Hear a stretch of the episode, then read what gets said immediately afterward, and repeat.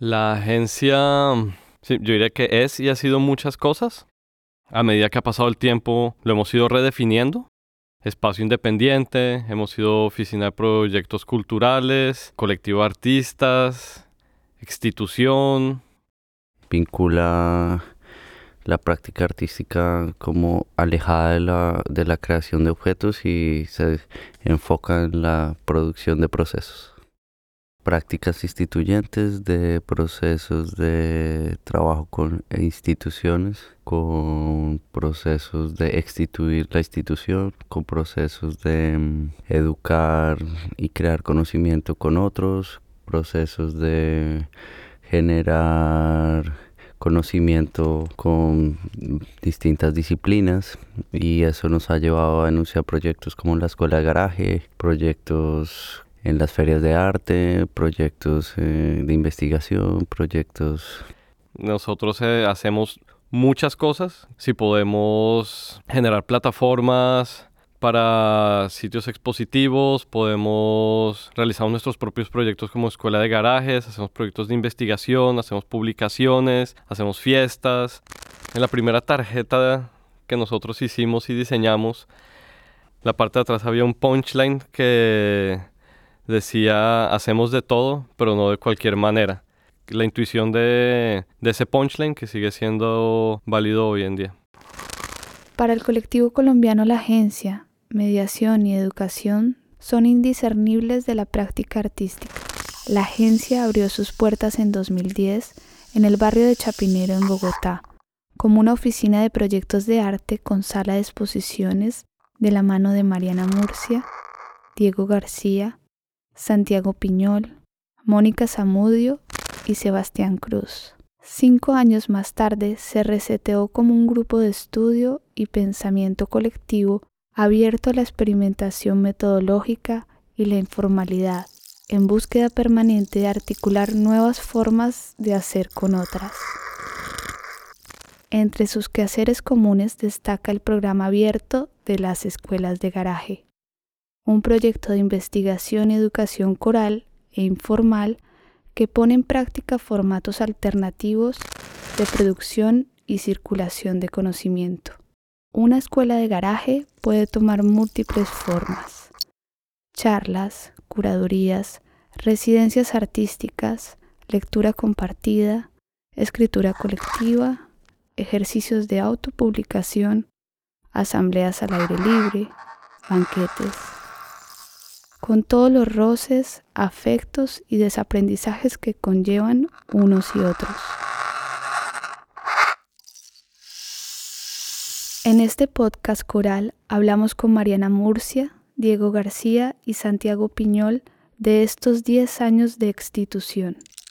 Desgranamos la noción de práctica instituyente de Gerald Ronin, vía Edith Rogoff, y leída aquí por los agentes. Hablamos de arte descentralizado de los centros económicos, de participación frente a representación, de mediación y programas públicos en colaboración, de escritura colectiva en la nube y coeficiente performativo, de gesticos decoloniales y un no museo cubeo por los cubeo en la cuenca del río Baupés, y de otras fragilidades y fortalezas de los posibles mundos del arte.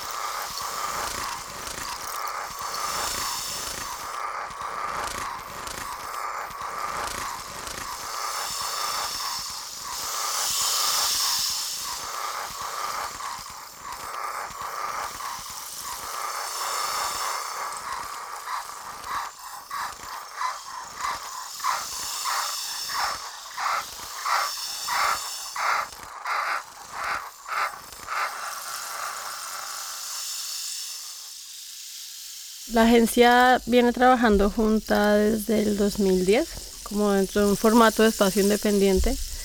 Y a finales del 2013 tuvimos que parar un momento y, un poco revisar y mirar los últimos tres años que había, que estaba pasando y realmente qué seguía después de eso, qué podía seguir. Había dos caminos, o tal vez más de dos caminos, y era uno, seguir teniendo un espacio abierto donde sucedían pues, una, pues había una, una, programación abierta de exposiciones, de talleres, de charlas, de estaba abierta la residencia para artistas, que era pues como un componente que activaba en parte el espacio. Lo siguiente era pues cerrarlo y un poco acabar el colectivo. Y, la, y el tercer camino, que fue el camino por el que nos fuimos, fue un poco entrar en crisis. Al final la conclusión fue un poco volver al inicio. La agencia finalmente inicia como un grupo de estudio, o esto es un poco lo que nos empieza a convocar como dentro de una comunidad de talleres. Ya no leyendo las mismas cosas que leíamos antes, ya no discutiendo desde el mismo, desde el mismo lugar, pues porque sí, ya habían pasado tres años eh, donde las prácticas, el contexto había cambiado y nosotros mismos también habíamos cambiado, pues teníamos tres años más de experiencia y un montón de gente con la que habíamos eh, intercambiado cosas. Y entonces fue un grupo de estudio mucho más autocrítico, como una revisión de cuál había sido nuestro papel y el papel de la agencia dentro de un contexto más amplio en relación a las prácticas artísticas en Bogotá bueno, y nuestro propio trabajo como artistas también, o sea, siempre hemos entendido el colectivo de la agencia como, pues como individuos que se, que sí se juntan a hacer proyectos colectivos, pero, pero individuos al fin y al cabo, y, eso es un poco, yo creo que también lo rico de trabajar juntos. Nos dimos cuenta que había como un ítem que sí se había mencionado alguna vez que se llamaba escuela, ¿no? Y entonces también como que fue muy curioso eh, ver que desde, desde un inicio sí había como un, un interés y una curiosidad por, sí, como por explorar formatos dentro de algo que podíamos llamar educación, que ninguno de nosotros hasta ese momento y mucho tiempo después, ninguno había sido profesor. En términos como de pedagogías y de y, y, aplicamos a una convocatoria para que nos dieran un presupuesto para hacer la primera escuela. Hemos hecho hasta ahora cuatro escuelas, ninguna escuela es igual a la otra y un poco que cada una va llamando a la siguiente, ¿no? Como que va planteando la que viene. Se llama escuela de garaje porque en Colombia las universidades de garaje pues se les llama así un poco porque ocupan como una casa en un barrio, como que la adecuan como para que sean salones de aulas. Son, normalmente son programas de educación técnica y el fenómeno de estas escuelas de garaje es que empiezan en un garaje y después terminan ocupando una cuadra completa, ¿no? empiezan a tener una afectación en el barrio porque empiezan a llegar estudiantes y hay como unos horarios Escuelas de garaje, hay un epígrafe en uno de los libros que es de Gilberto Bello, que dice, existen en este país dos tipos de universidades, las de garaje y las de garaje muy grande. Se le llama escuelas de garaje de una manera peyorativa a institutos de educación pues que no, que no están certificados propiamente como educación de, ¿cómo se dirá? Instituciones o ilegales o de estratos bajos. Es algo que, pues nada, Colombia es un país extremadamente clasista, racista, centralista y está lleno de este tipo de, sí, digamos que, de términos que denigran. Por un lado muestra que, que hay mucha gente que, que, quiere, que quiere estudiar, que necesita estudiar, que necesita capacitarse que las instituciones son insuficientes y por eso salen nuevas instituciones, así sean ilegales. O sea, como que es, una cosa casi de la ecología del saber, como ya si las instituciones no bastan, pues salen más instituciones. Y también nos gusta pensar también como qué significa eso de, del conocimiento de garaje, ¿no? Puedo como recuperar esa manera peyorativa para referirse a un tipo de educación y, resignificarla como desde un punto positivo y es como ir a ocupar espacios que al parecer pueden tener muchos usos, múltiples usos eh, y que potencialmente, ¿no? Como que pueden convocar a gente y a agentes desde diferentes lugares, disciplinas, conocimientos, sin pretender ser como un tipo de educación muy especializada, sino simplemente el hecho de compartir y generar algún tipo de conocimiento.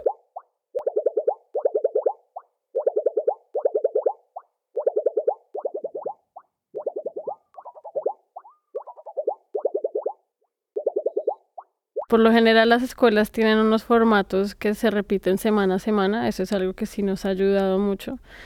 Eh, no solamente como para la, en términos como operativos, para nosotros poder organizarlo y, tener como un programa de, alguna manera coherente, pues también funciona mucho, o sea, como táctica hacia afuera y hacia el público, eh, sí funciona un montón, porque las escuelas son temporales, pueden durar de un mes a tres meses, a dos meses.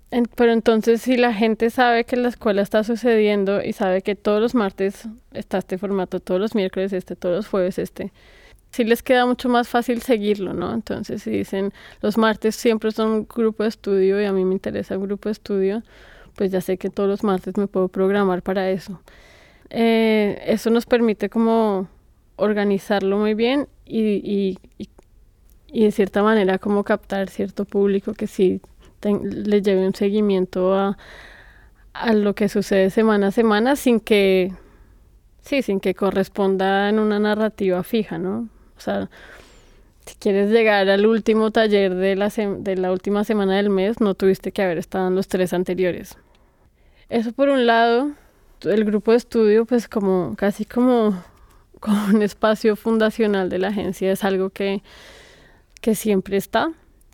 Al comienzo los llevábamos mucho nosotros, luego empezamos a invitar otros artistas, otros agentes que proponían la lectura, que guiaban la discusión y que empezaron a proponer cosas dentro del mismo grupo eh, como ejercicios, más allá de la conversación, pues que es como muy válido y es, y es interesante, sobre todo yo creo que para la gente que viene, ¿no? También tiene, hay como unas expectativas dentro de la anunciación de esos formatos, eh, que es como, ah, pues bueno, si voy a un grupo de estudio me voy a sentar en una silla y voy a discutir lo que subraya en la lectura, pero luego si esto también supone como un cambio en la postura, eh, un cambio en el espacio, pues eh, sí, como que pasan ahí otras cosas. Mm, los banquetes son, son espacios como muy divertidos que terminan volviéndose fiestas, eh, que son muy importantes dentro de las escuelas. Son formatos mucho más relacionales o más eh, sociales de compartir lo que, ha, lo que ha venido sucediendo en la escuela. Por lo general son como si las escuelas tienen una cosa que se repite durante la semana, por lo general los banquetes suceden los viernes o los sábados, ¿no? Como, como, como un espacio donde se recogen muchas cosas que pasaron durante la semana eh, y también es como un espacio un poco más, mucho más informal, donde, donde sí nos interesa mucho traer prácticas performativas, donde se comparte alrededor como de algo que podamos compartir, comer, beber.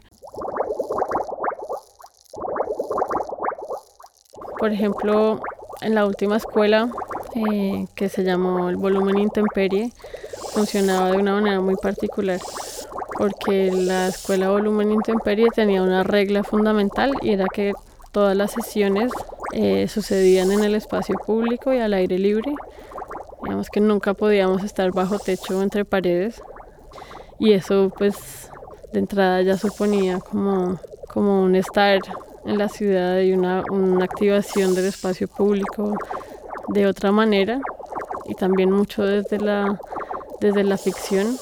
Esta escuela, por ejemplo, sí tuvo una convocatoria previa en la que conformamos un grupo fijo de unas 20 personas que desde el comienzo cuando llegaron a la escuela pues se los, se los enunciamos y, y inmediatamente como que entraban a ser parte de la asamblea de la escuela nosotros para esa escuela no queríamos ser un poco los que liderábamos o decidíamos qué iba a pasar o qué, iba, qué íbamos a hacer o con quién íbamos a trabajar. Porque pues sí nos interesaba mucho, si estábamos hablando sobre el espacio público y la pregunta era cómo se produce el espacio público, desde dónde, desde dónde se denuncia, cómo se habla desde allí, ¿no? Eh, nos interesaba que no, que no fuera una cosa como dictada por nosotros, sino que fuera una cosa que pues que fuera una decisión tomada en grupo. En una investigación previa, sí armamos como un banco de proyectos y de colectivos que estaban trabajando desde ese lugar, desde lo público, desde los, los espacios públicos, en comunidades específicas en la ciudad, barrios, eh, proyectos e iniciativas presentábamos este, este banco de proyectos y de, y de agentes a la asamblea y la asamblea decidía con quién quería trabajar, a dónde quería ir eh, y cuál era el plan para la siguiente sesión. Entonces, pues en ese sentido era como, como bien interesante porque nosotros no sabíamos no sabíamos bien qué era lo que iba a pasar la siguiente semana y la siguiente semana, era una decisión que se iba tomando mientras que la escuela iba sucediendo. Y sí que se convirtió como en una herramienta y un dispositivo para que las personas que estaban asistiendo a la escuela pues se tomaran la escuela como por sus manos, ¿no? Obviamente el banco de proyectos estaba abierto para que si ellos conocían de alguna otra iniciativa o ellos hacían parte de alguna otra iniciativa, proyecto colectivo, pues entrara dentro de ese banco de proyectos y fuera como una posibilidad para trabajar con ellos. Y la publicación también, entonces en la publicación se borraron un poco esas, esas, esos límites de autoría y funcionó más como un wiki en el que todos podíamos, los que todos escribíamos y todos éramos, teníamos, digamos, el derecho a intervenir en el texto del otro, editar, agregar cosas, eh, vetar, si era el caso. Eh, y decidimos entonces como que no poner los nombres del autor en cada texto, sino eh, pues era, es una publicación sin, sin autores, aunque sí hay pues sí, obviamente se le da crédito a la asamblea y está mencionado al inicio del libro.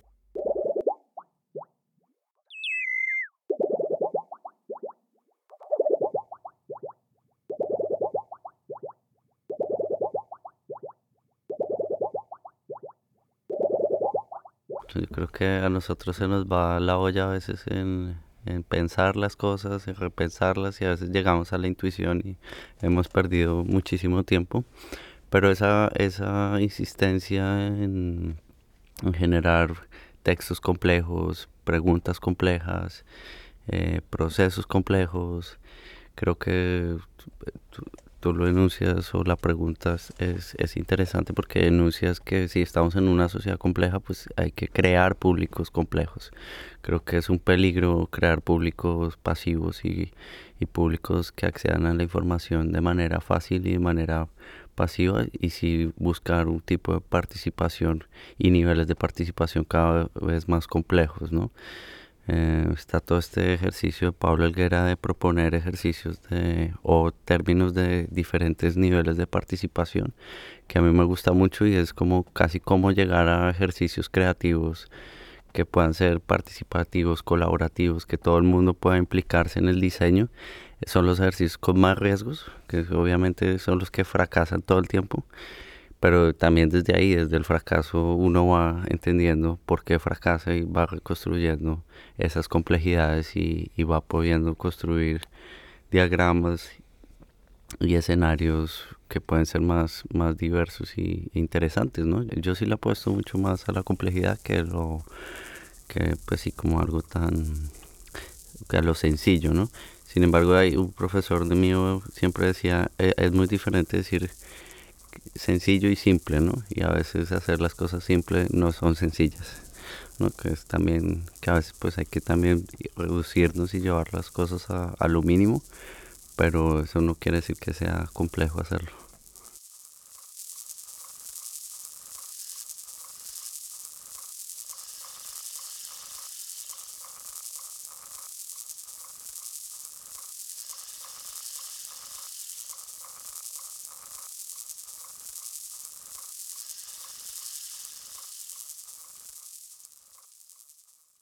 De cierta manera la educación artística en Colombia imita unos, unos programas en los que la idea del autor y el artista creador pues eh, es lo que uno aprende, pero realmente de lo que viven los artistas en Colombia es de enseñar.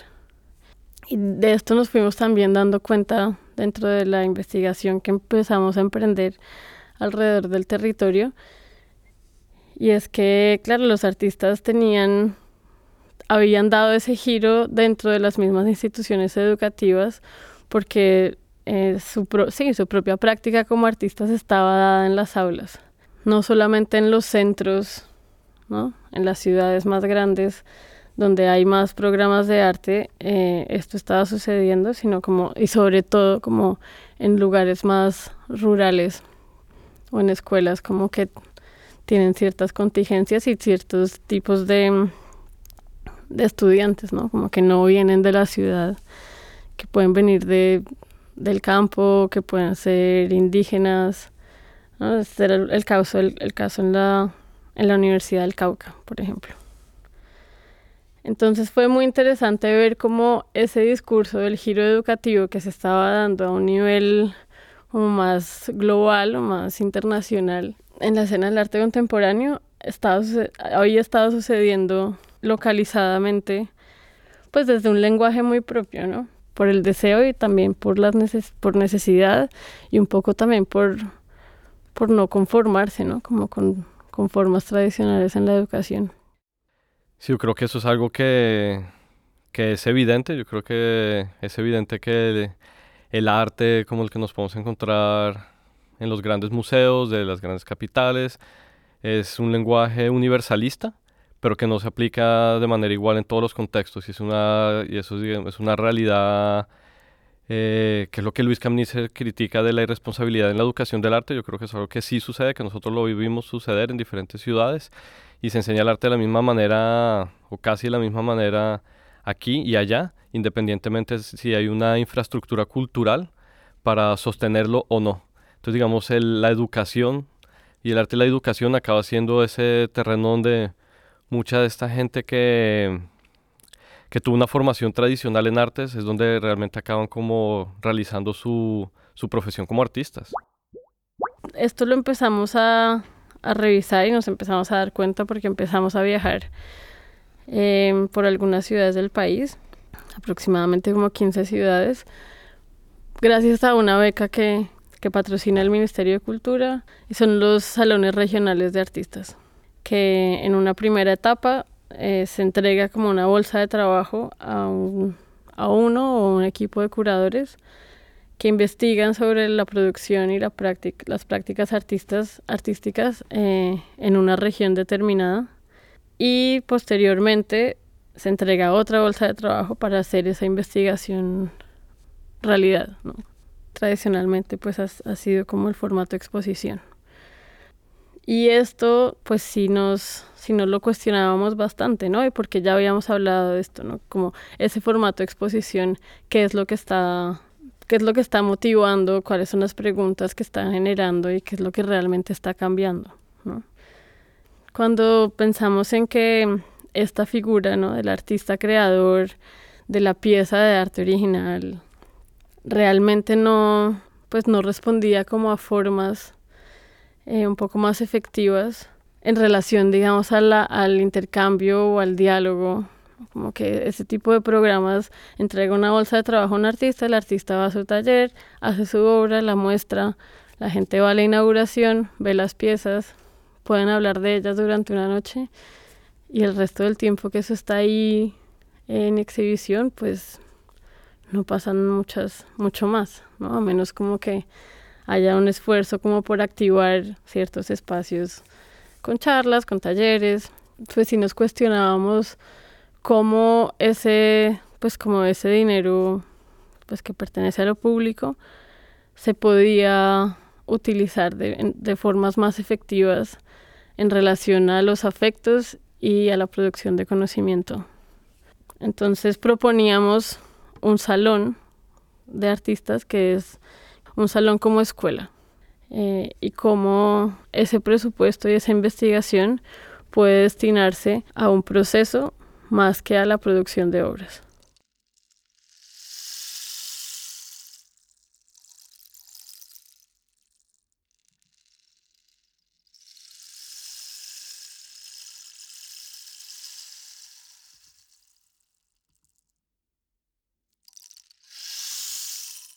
Pues en una primera ocasión o en esta primera escuela recuerdo mucho que leímos un, un texto de David Rogoff em, donde se habla evidentemente de, un giro educativo, pero algo que digamos como el término que nos enganchó fue el término de las prácticas instituyentes. Eh, me acuerdo que en ese texto como que se habla de un momento como en una, en una ola de, de la crítica institucional que se transforma como una cuarta ola que, que, que viene, o sea, que, que se litiga un poco desde la educación o desde este giro educativo eh, y desde el desaprendizaje. Para ser crítico, para aprender una cosa nueva, tengo que desaprender algo anterior. Y el término de prácticas instituyentes, pues sí nos llamaba mucho la atención porque el, el, el hecho de, de entendernos como una institución sí nos cuestionaba mucho en cómo la, cómo la habíamos instituido y cómo queríamos instituirla de ahí para adelante. Estoy segura que también estaba sucediendo en otros contextos y lugares, puede ser en Bogotá y en Colombia, pero, pero como ya teníamos como cierto reconocimiento desde, un, desde una escena del arte contemporáneo, pues las instituciones sí que nos empiezan como a, como a identificar dentro de este, como, ah, bueno, ya no hacen exposiciones, ahora hacen escuelas, ahora hablan de educación, ¿no? Y, y empezamos como a tener ese otro, esas, sí, esas otras relaciones en, en torno a la educación en conversación con la institución oficial, por decirlo de alguna manera. Em, manejamos como proyectos que a veces se entienden como servicios o a veces se entienden como proyectos propios. Digamos que en la página web todos son proyectos propios, pero muchas veces estamos trabajando con instituciones y jugamos esa lógica de ser como una especie de institución de mentira porque finalmente no estamos constituidos ni, ni manejamos las lógicas de una institución. En ese sentido somos una institución, ¿no? Y esa sublevar esa, esa, esa lógica nos parece interesante también llevarlo, ponerlo en práctica con instituciones, ¿no? Como, y cómo insertar pequeñas actividades o procesos que no necesariamente son como las formas de construir procesos normalmente, ¿no? Llevado esto a la práctica, pues eh, sí, hemos trabajado con varios museos, pero siempre como en el Departamento de Arte y Educación, yo creo que son espacios descuidados eh, dentro de la institución y lo veo como potencia porque justamente permiten ser, yo no diría por eso si tienen grietas y como que se puede uno, sí, entrar ahí. Creo que hay mucho trabajo por hacer desde ese, desde posicionar, claro, como la educación como algo fundamental en, en las instituciones de arte y de cultura y de procesos creativos y romper también pues como muchos paradigmas y desaprender muchas cosas que, que estos departamentos finalmente no se han hecho las primeras y las preguntas más básicas. Tampoco es que hayamos trabajado tanto con, con instituciones para decir esto, pero la experiencia que tenemos es un poco así y cada institución también es muy distinta. Creo que hay que tener cuidado con sí encasillar eh, ese, ese escenario de que todos los departamentos son iguales, pero sí creo que el factor común es que son, sí están como descuidados.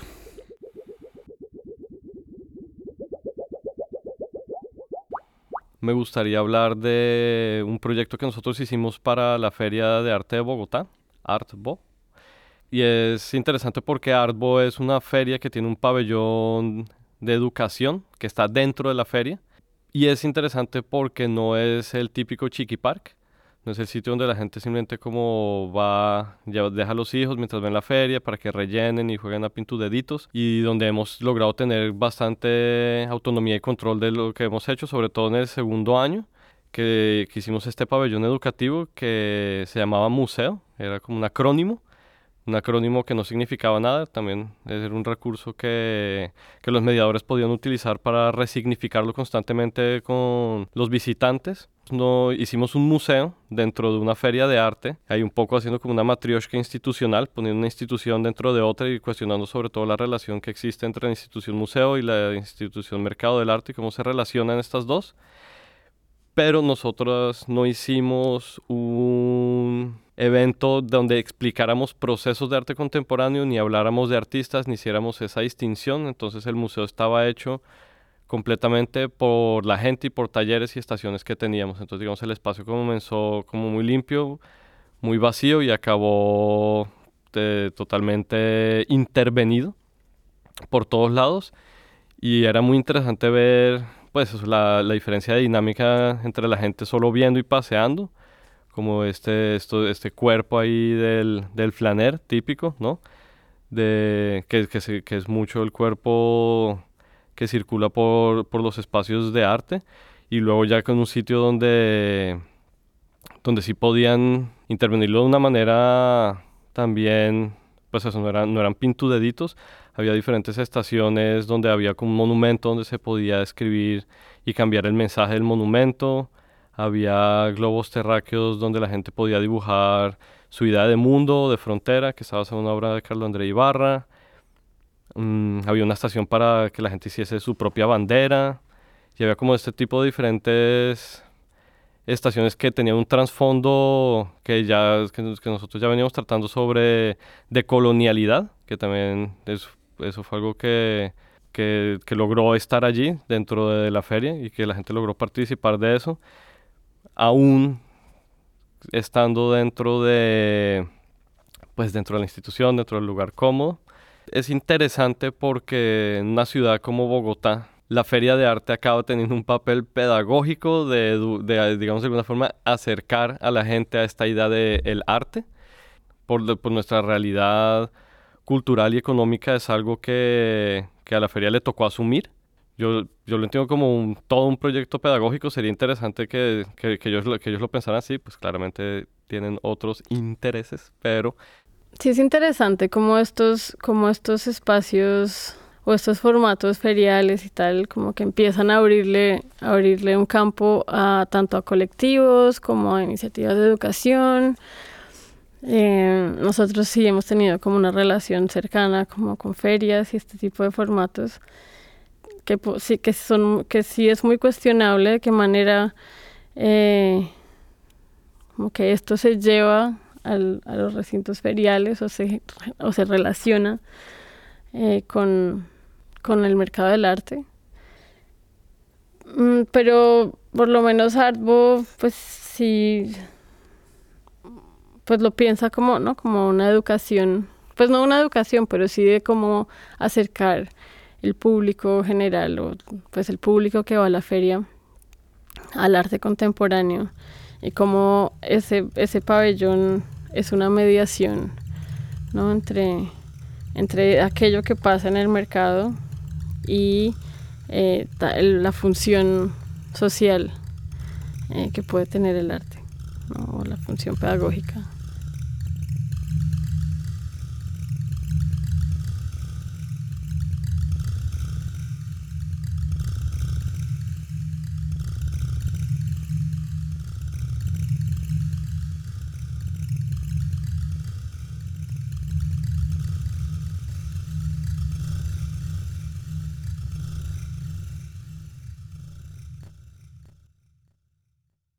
Es fácil caer en nuestra cámara de eco y, si, no, digamos no llegar a tener como una afectación real. Es muy fácil quedarse en el campo de representación del arte y dentro de las instituciones, dentro del sistema de mecenazgo, de ayudas, de soporte y sí, en el campo de la representación. Entonces yo creo que es algo que nosotros, sobre todo desde que hemos empezado a trabajar y entendernos en el territorio del arte y la educación, nos cuestionamos cada vez más, como quién es ese para quién, y estamos intentando alejarnos de nuestra zona de confort y de comodidad y repensarnos y reconfigurarnos para no quedarnos como estancados. Digamos que las escuelas eh, pues siempre tienen una convocatoria abierta y, y pues nosotros esperamos, ¿no? Como que lleguen a la mayor cantidad de gente de, la, de, de todos los tipos de disciplinas o campos de interés o lo que sea, pero sí, claro, la gente que llega a las escuelas pues sí está como muy relacionada como con temas culturales, muchos estudiantes de universidad, pues gente que sí, nada, que, que sí viene de, un contexto de arte, arquitectura, filosofía o música, ¿no? Eh, que no deja que no deja de ser en mayor parte como un público especializado. Claro, yo también creo que el tema de elegibilidad y del tránsito de alta cultura, baja cultura, en nuestro contexto es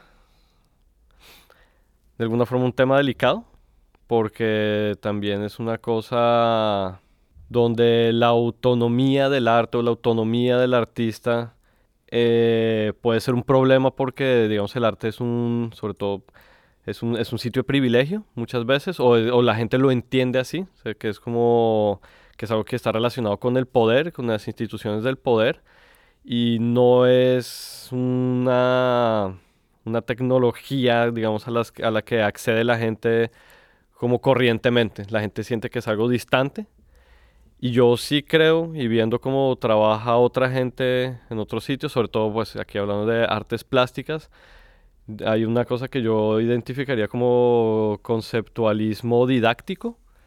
Los artistas allí suelen ser como, tienen discursos muy estructurados y todo tiene un porqué. Hay muy poco capricho, hay muy, es, todo es como muy, como muy bien armado, muy estructurado. También pues habla mucho de, la, de, de, cómo, de cómo la institución de educación en nuestro contexto, pero también de que los artistas plásticos eh, sí, no, o sea, no pierden de vista el contexto y no pierden de vista que, que, es, que algo que tiene que ser inteligible para, para otros. Ya como, como, como, es como estas grandes teorías y como nosotros estas grandes teorías las, las aterrizamos o las traducimos, eh, puede que nos falte un poco de humor. Es algo que podríamos, que podríamos mejorar. Eh, porque si no sé, nosotros sobre todo lo que hacemos es más, si pensar cómo eso es como una actividad, una experiencia, una dinámica, y esos son como más el tipo de cosas que pensamos, pero Claro, o sea, nosotros hemos, hemos llegado, hemos tenido grandes, grandes, grandes fracasos en ese sentido. A mí, yo, yo recuerdo con mucho cariño un proyecto que era sobre realismo especulativo y aceleracionismo. Una teoría que, vamos, que, que, como que quisimos hacer como un ejercicio sobre esa teoría, que sabe como en boga. Pero para hacer esto hicimos un alambique para destilar alcohol y hicimos un ciclo de cine donde veíamos ciencia ficción de la, de la peor. Y fue un proyecto que nadie entendió, yo creo que nosotros mismos tampoco, estamos leyendo unas cosas dificilísimas, ahí estamos leyendo eso a Lazzarato, a Graham Harman, a Reza Negarestani, eh, no, si nos metimos en... nos metimos en, en, en, un, en, un, problema y claro, y relacionamos todo esto con la idea del alambique, que era una máquina con la cual estábamos colaborando y produciendo un diagrama juntos, entonces las botellas de alcohol eran publicaciones que llevaban y distribuían la teoría de otra manera insospechada. Y va, va, ese fue un proyecto altamente especulativo en relación a, a, la a la relación, sí, como alta cultura, baja cultura, y para hacer el alambique también viajamos al al Valle del Cauca, arriba arriba, para ver cómo se produce el biche en la orilla del río. O sea, como digamos, ese, ese sí fue como un proyecto que, que, que tenía un poco de todo y ese, ese, sí, digamos, como que, como que tuvo bastante, bastante humor y una actividad bastante rara. Y, y, sucedió en un sitio que era un garaje, que era el espacio expositivo de, unos amigos que se llama Campo, que hicimos en colaboración con un arquitecto que se llama Santiago Buendía. Sí, ahí, ahí, ahí sí que hemos, hemos entendido varias cosas, como Bogotá es una ciudad que la gente está trabajando todo el tiempo, que, que vive bajo unas circunstancias de pues de rentabilidad muy fuertes, eh, el arriendo, la luz, el agua, la familia, si ya tienes hijos, pues mejor dicho, ya la ecuación eh, se multiplica. Y los proyectos muchas veces que nosotros abrimos esto como a un escenario, trabajar con otros, eh, hay muy buena recepción, pero también empieza a desertar la gente, ¿no? Como que en nuestra intensidad eh, la gente empieza a participar como puede y, muchas veces eh, hemos empezado proyectos 20 personas y terminamos 7. Y eso sí, también como he entendido que, que no es una audiencia, sino es un público y construir esos públicos pues nunca los hemos visto como en términos de escala, como tener, como que eso viene muy de la industria creativa, de tener audiencias y grandes afectaciones y grandes públicos y otras ramas de la cultura como el teatro, el cine, pues le, le viene muy bien esas cifras, pero el arte sí que tiene una atención muy fuerte con eso y, y a nosotros todo el tiempo pareciera que nos, nos, nos preguntan eso, pero al mismo tiempo nos parece más interesante sí como, como lograr esos puentes con, pocas personas, pero que se logren que queden bien hechos. Como que somos muy conscientes, somos bien críticos con nosotros mismos en ese sentido, porque sí que hay que encontrar maneras y estrategias de llegar a esos lugares, ¿no? También sin ser un alien,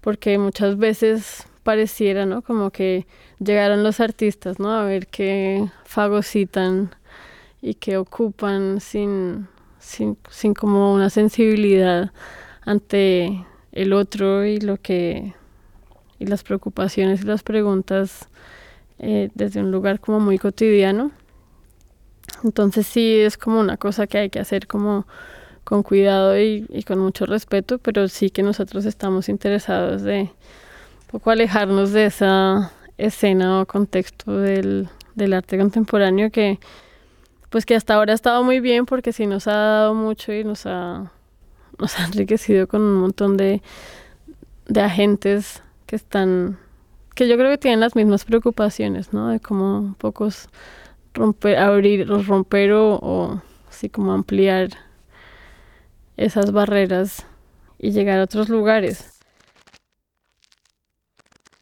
O nos damos cuenta de los encuentros afectivos que hacemos generalmente, o sea, nosotros intentamos cada vez quitar esas palabras, que no es un taller, sino un encuentro afectivo. Vamos a dejarnos afectar 4, 8, 16, 32 horas.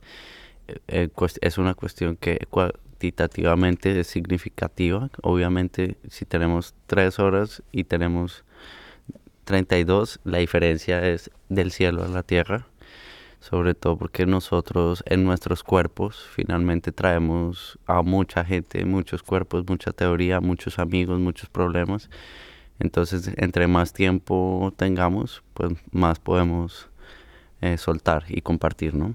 Y viceversa, ¿no? Eh, eh, en ese diálogo y como romper ese, esa idea conferencial, sino buscar diálogos, Creo que está la potencia en estos encuentros y se generan diálogos todo el tiempo y es extenuante, ¿no? Porque estamos logrando vínculos todo el tiempo y, y pareciera que hay como una responsabilidad de sostener esos vínculos a futuro. Nosotros pues hemos estado estos dos meses en, en, en Madrid, en Bilbao, en Valencia y en Barcelona y sí que hemos visto como en cada ciudad, dependiendo la escala, también tienen como formas y tecnologías de, de, la escucha muy diferentes. No es lo mismo como la gente escucha en una ciudad grande y no es lo mismo como la gente escucha en una ciudad pequeña. Eh, y eso se aplica exactamente igual en Colombia, con otras capas más complejas sin duda pero sí que ese territorio del arte y la educación que muchas veces la gente no se enuncia como artista, educador, pero sí lo está haciendo, es como también una, una investigación transversal que está todo el tiempo corriendo y aunque ah, vayamos como unos extraterrestres, eh, vamos probando esas teorías de, de afectos con otros cuerpos, dejándonos influenciar de otros cuerpos.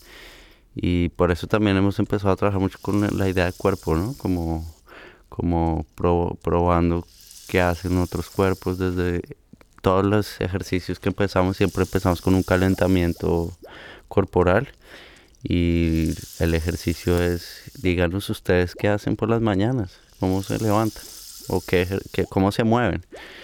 Y ha sido como una investigación de memoria también muy bonita ver cómo la gente se mueve acá, ¿no? Y cómo se mueven en otros sitios y, y, ahí pues uno va como cargándose eso en su memoria, en su cuerpo y en sus recuerdos.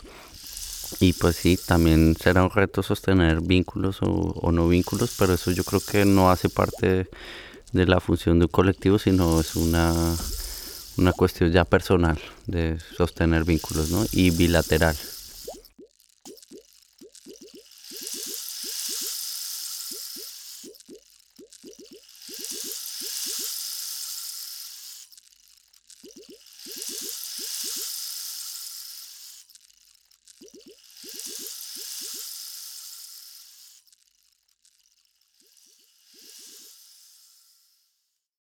Gesticos de coloniales es el nombre, del, nombre de la investigación que nosotros estamos realizando aquí en esta gira de arte de educación en la península ibérica. Llegamos a, ese, a esa idea por, pues por un lado por un interés por el cuerpo, por el gesto, por lo que el gesto significa sí, por, un poco por pensar por el cuerpo, pero luego abstrayendo la idea de gesto, no únicamente como pues a la corporalidad y desarrollando un poco un interés que, que, que tenemos sobre, sobre la teoría y la práctica de colonial. Entonces nosotros de alguna forma queríamos ver qué estaba pasando en ese sentido aquí en España. Se ha sido muy interesante encontrarse, por ejemplo, con proyectos como IU, con el POPS de Matadero, que es un proyecto como activista fuerte, eh, racializado, que, que están haciendo un trabajo muy bueno, muy crítico, como muy duro.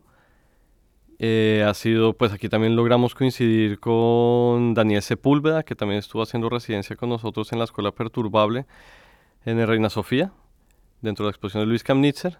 Y el proyecto de él es Menos Foucault más Shakira. Yo creo que eso es como un, yo diría ese no es un gestico de colonial, yo creo que es un gestazo de colonial. Nuestro punto, sí, hubo un punto de inflexión, eh, sobre todo en el que, digamos, como que pudimos sentir esa teoría, que fue cuando paradójicamente pues eh, estuvimos en, en, una bienal que se llama Cosmópolis en París, y era una, la, la bienal se trataba de proyectos colaborativos del sur global y inteligencias, inteligencias colectivas del sur global. En, ese, en esa bienal nosotros estuvimos haciendo una residencia de, durante toda la bienal porque había una programación de diferentes teóricos destacados del, dentro del campo de la decolonialidad. Entonces, y por eso Denis Ferreira da Silva, Walter Miñolo, y uno muy importante que fue para nosotros que fue Felwin Sar, que es un filósofo, economista senegalés, que tiene un libro que escribió un libro que se llama Afrotopía. Es, es, tiene una teoría muy interesante en la cual dice que hay que volver a poner la cultura en el centro de la economía, no al revés. Si digamos que es algo que con lo que nos identificamos completamente, muchos de los problemas de este, pues del arte y la cultura es que giran en torno a la economía y no al contrario y sobre todo pues a qué economía, de dónde viene esa economía, quién configuró esa economía, qué valores están en esa economía, qué ideología promueve esa economía. Entonces él dice que debería, debería haber una reversión hacia las propias culturas, empezar a trabajar sus sistemas económicos. También otra vez romper como ese canon universalista de la economía, porque claramente pues es un sistema que viene propuesto, dicho desde un sitio, que todos sabemos dónde es. No, sí, Europa. Entonces no era solo que fue una gran diferencia de, de, estar en Colombia que uno normalmente lee y lee y pues nada, lo discute entre uno y estar como por fin tener a gente, a los autores delante y poder hablar con ellos y cuestionarlos y, y hablando con Felwin en un punto fue como le preguntamos si él había ido a Sudamérica él dijo que no, nos preguntó si habíamos ido a África, fue no, y nos dimos cuenta y fue como, se hizo muy evidente una imagen de mundo en el cual hasta hace muy poco no había vuelos directos entre Sudamérica y África. Si uno quiere ir a África, uno tiene que ir o a Estados Unidos o a Europa y bajar. Y yo creo que eso es como un diagrama que cuando, o sea, cuando vimos eso, fue una imagen como muy potente de cómo, sí, de, casi es una, una cosa de control, por un lado, de cómo circulan las ideas, de cómo circula el valor, y también como una, un profundo desconocimiento y conexión con algo que es muy cercano a nosotros. Yo diría que es, cuando, cuando nosotros vimos ese momento, vimos ese diagrama y sentimos esa imagen de mundo, como que algo realmente hizo clic en nosotros. Sobre todo, y ahí, ahí sí digamos como que ahí sí sentimos, o sea, dejamos de pensar lo de colonial y de alguna forma sí lo sentimos, por, pues por las diferencias de lenguaje y por un desconocimiento profundo, nos circulan de un lado a otro bien. Y ahí nosotros hemos producido en Colombia, tenemos como, como varios autores importantes cuyos textos no han sido traducidos. Y entonces sí, más, más que pensar que es un problema de traducción, de, tenemos que empezar a traducir todo el inglés al español para estar ahí como en la onda. lo, lo, que hay que hacer un poco y en lo que estamos interesados ahora es traducir de, del español a otras lenguas o de otras lenguas al español. Y sobre todo como intentar acercarnos a teorías decoloniales no, previamente no traducidas de otros contextos. Y ese era un poco el fin que nosotros teníamos con el grupo de estudio y un poco un proyecto que tenemos sobre marcha de traducción colaborativa, un poco basada en los modelos de, de traducción de manga, de fansubs. Sí, y sobre todo eso, como para poder circular teoría como más rápido en el campo lo colonial.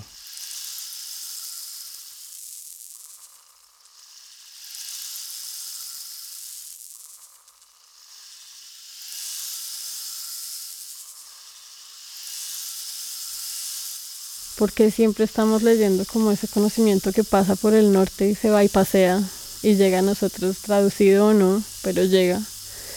Y esos son los términos en los que se plantean las discusiones y no estamos como leyendo cosas que se están produciendo desde aquí, desde nuestro entorno, en nuestro idioma o desde el subglobal. Es que a partir de la experiencia sí, sí si tenemos como mucho material para empezar como a reinterpretar o resignificar.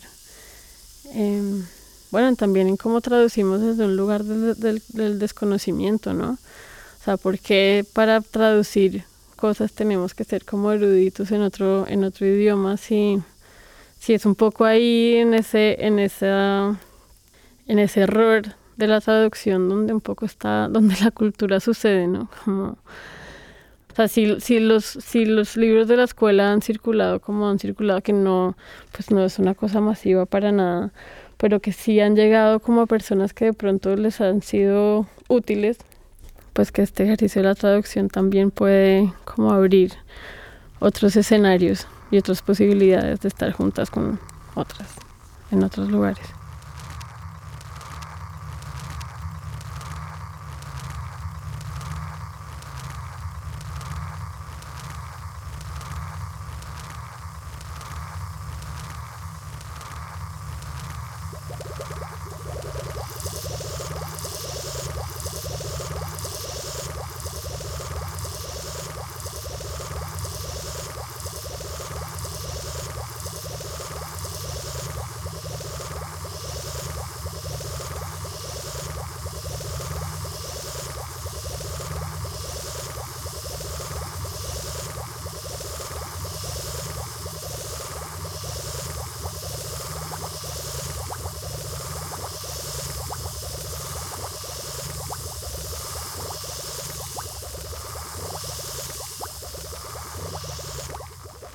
Ahí fue donde dijimos, bueno, este grupo de estudio de la agencia va como a, tomar el rumbo, eh, pues sí, como de esa exploración de lo, pues desde el terreno de lo de colonial y de empezar a buscar como autores y material producido desde, otros, desde otras esferas y otros lugares que tal vez han estado ahí mucho tiempo y nosotros no éramos muy conscientes de eso.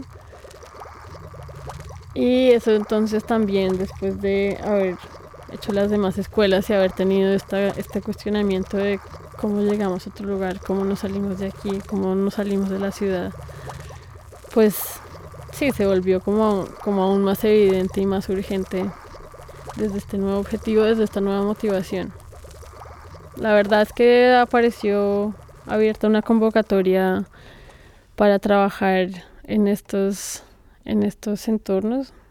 El nombre de la, de la beca es, es particular porque se llama como Laboratorio de Sensibilización Artística para Formadores en áreas de difícil acceso, una cosa así como... Claro, es, y es como... El mismo nombre es un poco ridículo, ¿no? Como sensibilización artística de qué? O sea... pues no, si a sensibilizar a nadie, si, si hay alguien que va a salir afectado de esto, vamos a ser nosotros y, y lo que esto pues pueda traer al proyecto. Pero claro, en ese, en ese intento por empezar a salir de Bogotá y empezar como a llegar a otros a otros ámbitos eh, pues ya está o sea aplicamos eh, siendo muy conscientes como que estábamos como anunciando un proyecto que seguramente iba a cambiar bastante una vez estando allí. Pero bueno si había que escribir un proyecto para ganarlo pues había que escribirlo. Y, mm, y bueno, entonces eh, por, e, por, esa razón es un poco la que llegamos, ¿no? Porque, porque nuestro interés ahora está, está un poco centrado allí, en una investigación desde el gesto de colonial. Y por eso llegamos, también un poco sin, sin saber, con, con unas expectativas como muy inciertas y, y viendo de qué manera nosotros éramos de alguna manera útiles allí, porque también nos parecía muy problemático, ¿no? Como llegar en plan de traemos un proyecto, esto es un laboratorio, aquí les vamos a enseñar esto, ¿no? Cuando, pues cuando ellos ya lo saben todo, solo que no usan las mismas palabras. Y en relación, digamos, a, a otras lenguas y, lenguas indígenas que están en nuestro territorio. Siento que, que sí, como que es de es súper importante como poder acceder o de cierta manera empezar a traducir esos esas pues esos lenguajes pero es fundamental que sean las mismas comunidades uno que quieran hacerlo y dos que lo hagan cómo acompañar ese, ese proceso ¿no? y cómo, y cómo e, que ellos sean como sus propios editores, porque pues sí, ha, ha habido como un, un, tema y un ejercicio de, la, resistencia en relación al acceso a, ese conocimiento que de cierta manera nosotros entendemos eh, y respetamos, pero ellos también pues han llegado a un punto en el que sí les interesa mucho, ¿no? Como que ese conocimiento se preserve o, o se pueda transmitir al hombre blanco. Todos aquellos que no están en ese territorio ni hablan esas lenguas. Que sean ellos mismos los que, los que puedan como generar ese proceso y no sea la mirada antropológica ni la traducción del otro, ¿no? El que hace ese, esa labor por ellos. Y muchos de ellos pues no saben leer ni escribir en español o en su lengua. Entonces, pues no sé, eso yo ni siquiera sabría cómo hacerlo, ¿no? Tocaría como apelar a, estrategias de otros compañeros artistas que, eh, que saben más de estas cosas, pero que sí se puede, que sí se puede acompañar mucho. El proyecto del Baupés, por ejemplo, ellos están muy interesados en hacer un... Pues estamos trabajando con una comunidad de artesanos. ¿no? Y en esa región existen 27 etnias diferentes, es decir, son 27 lenguas diferentes. Muchas veces entre ellos ni siquiera se entienden, ¿no? Es como si, si, si, si en mi comunidad, de este lado del río hablamos cubeo y en, en este otro lado del río se habla otra lengua que no me sé los nombres. Y pues sí, puede que los separe un río, pero entre ellos no se entienden. Tal vez solo algunos, ¿no? Como los que empiezan a intercambiar cosas, eh, bienes, comida, como artesanos que también se cuestionan mucho el, pues ese término de la artesanía, ¿no? En qué momento un objeto útil para ellos es una artesanía para el hombre blanco. En qué momento eso se vuelve como un, un bien intercambiable. Eh, pero pues finalmente les sirve, ¿no? Como que también eh, dentro de su economía es como de lo que pueden ganar algo.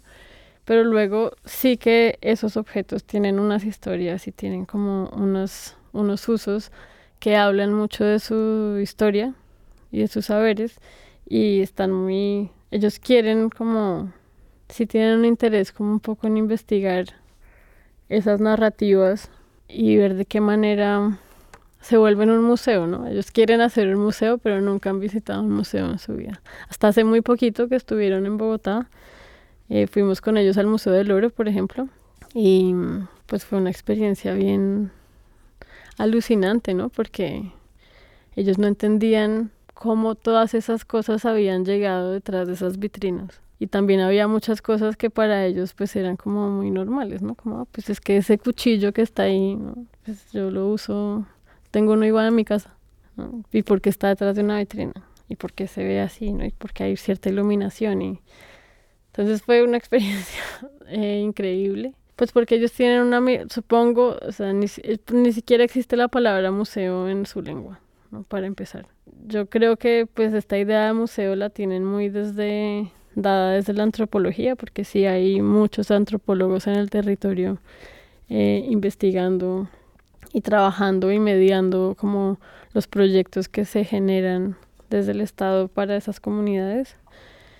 Mostrarles cómo es esa figura, simplemente como para empezar a pensar cómo queremos que sea nuestro museo. O sea, tal vez no es un museo que exista, tal vez es un museo que, que, son, que es una publicación, tal vez un museo que se mueve por el río, ¿no? Como, tal vez ni siquiera se llama museo, pero ellos tienen esa idea metida en la cabeza, porque sienten que es como algo que ellos quieren mostrar, que quieren investigar, que, que se vuelven como objetos intocables, porque están contando una historia. Entonces, un poco el reto en, lo que, pues, si podemos completar el proyecto, eh, pues es un poco acompañarlos en ese, en ese proceso y más que decir qué hacer o qué no hacer, es ellos al final cómo encuentran la manera de traducir eh, esas historias y esas narraciones y ese conocimiento en, en un dispositivo que les permita a ellos ¿no? conservarlo, circularlo. Un gran interés de ellos para hacer eso es, es eh, un intento por traer de nuevo a los jóvenes, ¿no? como enganchar a los, a los más jóvenes a ese tipo de conocimiento, pues porque hay, hay una gran mayoría de jóvenes indígenas que lo único que quieren es salir de ahí. Y no y muchos solamente hablan español y ya no hablan las, las lenguas de sus padres. Como hay una preocupación sobre todo ya muy cercana y es como bueno nuestros hijos si no son nuestros hijos quienes como que se quedan con este saber, em, pues quién, ¿no? Y de qué manera, pues porque sí, se lo podemos compartir a los, al hombre blanco, pero pues sí, ¿no? ya no quedaría en nuestras manos. Y, y esa yo creo que es un poco la resistencia, que tiene mucho sentido y que es muy respetable también. Entonces, pues sí, hace como parte un poco de ese intento de, de salirse del centro y del, del, espacio cómodo y del discurso del arte, ¿no? y ver cómo, cómo también podemos desde el arte estar allí. Y claro, llegamos allí y nos encontramos con la figura del antropólogo y, las, y lo que nos pueden contar de lo que, del impacto que eso tiene. Nosotros también enunciándonos allí como artistas, pues es muy raro porque lo primero que nos preguntan es qué tipo de música cantamos o en qué telenovela salimos. ¿No? Y entonces ya también es un problema, cómo nos enunciamos ahí también sin, no como que si, si somos algo, venimos de un lugar, tenemos cierto, como un detrás o algo que, si nos, que nos lleva allí, pero pues de qué manera hacemos que ellos lo entiendan.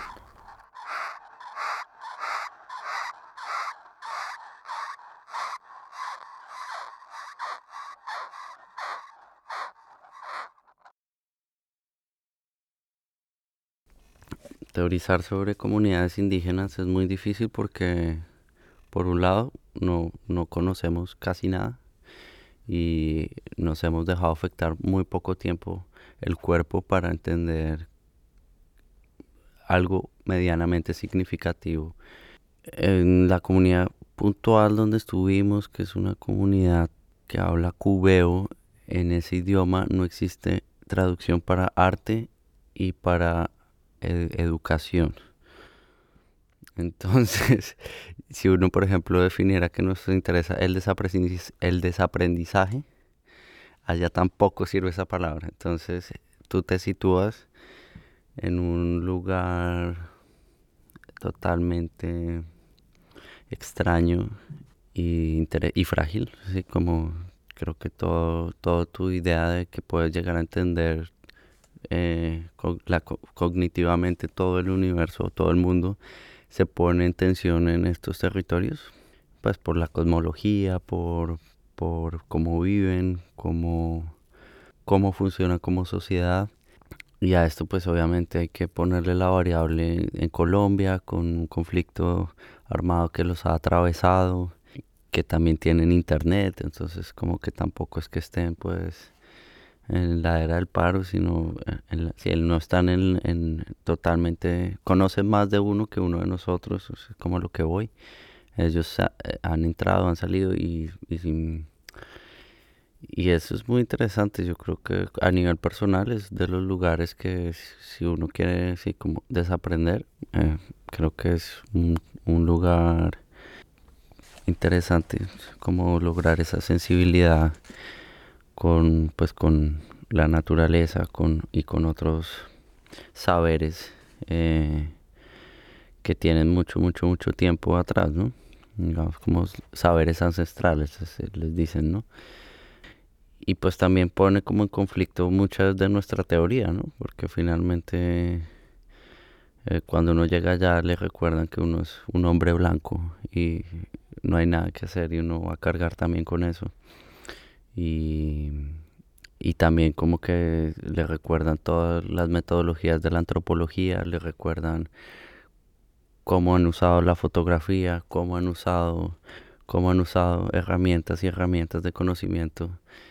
Entonces uno también se cuestiona todo, ¿no? Entonces digo que es un momento muy delicado de hablar de ese proyecto porque hemos ido poco, pero sí que nos interesa investigarlo, sobre todo porque a nivel político la selva y esos territorios son muy importantes eh, y, y, no sé si inclusive sí como que hablar de eso sea a nivel estratégico perjudicial para, para un proyecto como nosotros que intenta capitalizar desde ahí se puede leer así entonces me aterra a veces hablar de eso porque es como, ¿será que la agencia está capitalizando de, sí, de los indígenas?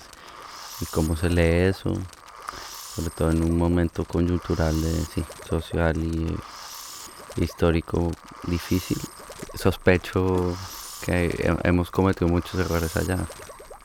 Y sospecho que está muy peligroso hablar de eso. Todavía no hemos cometido errores allá. Uf, es que tú no fuiste entonces.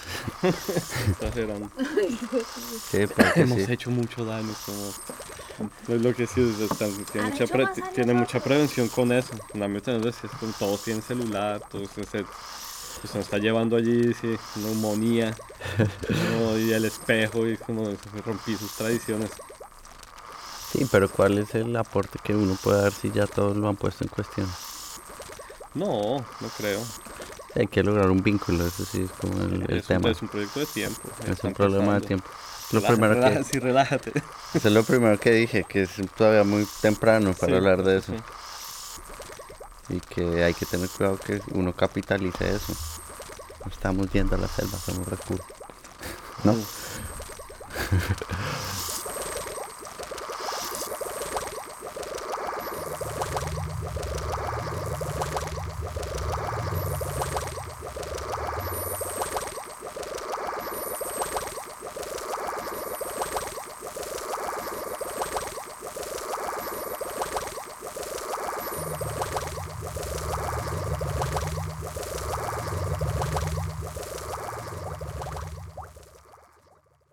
creo que nosotros estamos en un momento político delicado o nos damos cuenta de la fragilidad de la cultura.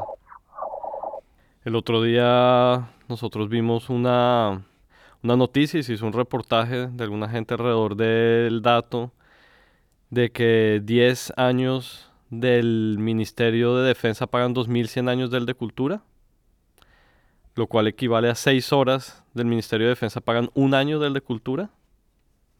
6 horas. Si uno se da cuenta de, de lo frágil que es la cultura eh, y lo difícil que es hacerlo en nuestro contexto. Entonces, toda la gente que, que trabaja en cultura, yo creo que pues lo siente y lo sabe y que muchas veces sí, eh, por muchos sentidos, ¿no? Económico, legal y sobre todo cuando hay este cambio de, de gobiernos y por ejemplo empiezan a traer ideas de industrias culturales que yo que nosotros pensamos que eso es como una neocolonización, o sea, como que no, no bastó con lo anterior, ahora es la industria cultural. Ha sido interesante aquí hablar con gente, pues, como que tiene proyectos parecidos a los nuestros y está el tema de la autoprecarización. Entonces es como, claro, ¿cómo se dice eso? Como les decimos, hasta autoprecarizarse donde nosotros venimos es un lujo que muy poca gente puede darse. O sea, muy poca gente tiene el lujo de autoprecarizarse. Cada, casi, o sea, la mayoría de la población simplemente está ocupada con sobrevivir. Y claro, y es, y es algo como cuando, por ejemplo, estamos nosotros hablando con Sarean, que es un colectivo que hace tejido social, con un restaurante, con políticas de kilómetro cero, en Bilbao, en San Francisco, para su comunidad, es algo hiperlocalizado súper bonito, increíble, o sea, qué dedicación, o sea, qué completo. Y claro, y nosotros estamos aquí eso como una de gira, como una banda indie de arte educación, eh, ta- sacándonos grandes éxitos de bolo en bolo. Es, es muy difícil y, eh, y finalmente también corre el riesgo de acabar en de acabar, de acabar siendo representación. Yo creo que sí es bonito verlo como una investigación, como una residencia, compartir, aprender, generar nuevos nodos, pero, pero, pero, pero sí también es algo que es muy de modelos de trabajo extremadamente capitalistas que requieren como dedicación completa y movilidad. Y entonces sí, también yo creo que es, es importante sí, prestarle atención a esos detalles.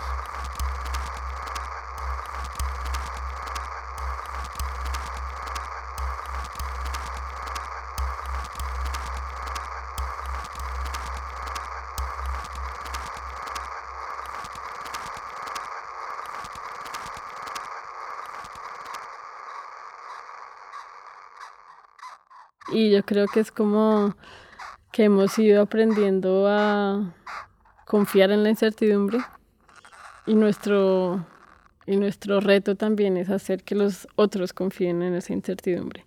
Porque también se vuelve un problema cuando tienes que trabajar con alguien más o para alguien más. Por ejemplo, si nos invitan una semana a un festival en Barcelona que tiene como ciertas ciertas temáticas y ciertas formas de, presentarse al público, eh, pues muchas veces nosotros como, o sea, sí, planteamos una idea inicial o un taller inicial o, como una base que, que, da pistas, pero luego también muchas cosas están abiertas a que ya veremos qué pasa cuando estemos allí, ¿no? Ya veremos a qué resultado nos lleva el trabajo con los chicos. Y sí, eso para la institución es muy complejo. Es muy complejo porque, eh, pues porque no, siempre tienen que tener las cosas muy claras, cuál va a ser el resultado, a cuánta gente va a afectar esto, eh, sí, que se va a poder llevar la gente, que no, el impacto, las cifras, y, y es una cosa la que uno tiene, con la que, uno, la que hemos tenido que gestionar desde siempre. Em, y que también pues hemos ido aprendiendo cómo a, a jugar con esas cifras y con el, y con el lenguaje mismo, ¿no? De, de hacer que el otro finalmente pues confíe un poco. O de cómo pues bueno, si, si ya nos toca entregar esto, esto y esto y esto, pues bueno, lo entregamos, pero ya estando allí, como eso que dijimos que íbamos a hacer también puede interpretarse de otra forma y de repente es otro proyecto, pero dentro de los límites que nosotros mismos establecimos. Entonces digamos que no estamos haciendo trampa, eh, o eso me gustaría pensar que no estamos haciendo trampa, pero sí somos pues sí nos toca ser como muy estratégicos como para darle la vuelta a las cosas de ser necesario. ¿no? Y, y eso es como lo encantador de la improvisación. también, y también es un ejercicio de confianza entre nosotros y de comunicación así como, como muy transparente, que también hemos ido aprendiendo a, a llevar en la medida que nos conocemos y pues sí hemos, hemos ido creciendo y vamos creciendo juntos. O sea, llevamos nueve años.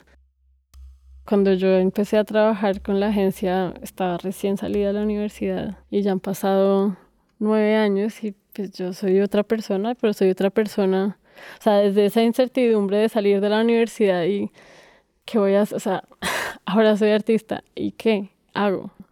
Desde esa incertidumbre, que es como la mayor de las incertidumbres, hasta mm, pues que me ha formado como alrededor de esos amigos, como que también me han enseñado a confiar en eso, ¿no? Como pues no sabemos muy bien hacia dónde vamos y más o menos cada tres años hay una crisis. Y, y claro, y hubo un momento también en que hicimos tantas escuelas y ya de repente nos dejamos de ganar becas. Y si nos dejamos de ganar becas, entonces no podemos hacer escuelas y si no podemos hacer escuelas, entonces no podemos seguir existiendo como colectivo y qué vamos a hacer y de repente como ponerse en crisis, como que sí, es más incertidumbre, pero también es una manera como de responder de una manera tal vez más inteligente a esa como a ese vacío de no sé qué va a pasar, ¿no? Y entonces sí, se acaban las escuelas, se acaba el presupuesto para hacerlas, pero entonces empezaron a suceder cosas como que nos invitaron a París, entonces en París nos encontramos como con un programa pensamiento de colonial y fue como otra vez como que el modelo está en crisis pero encuentra como una salida.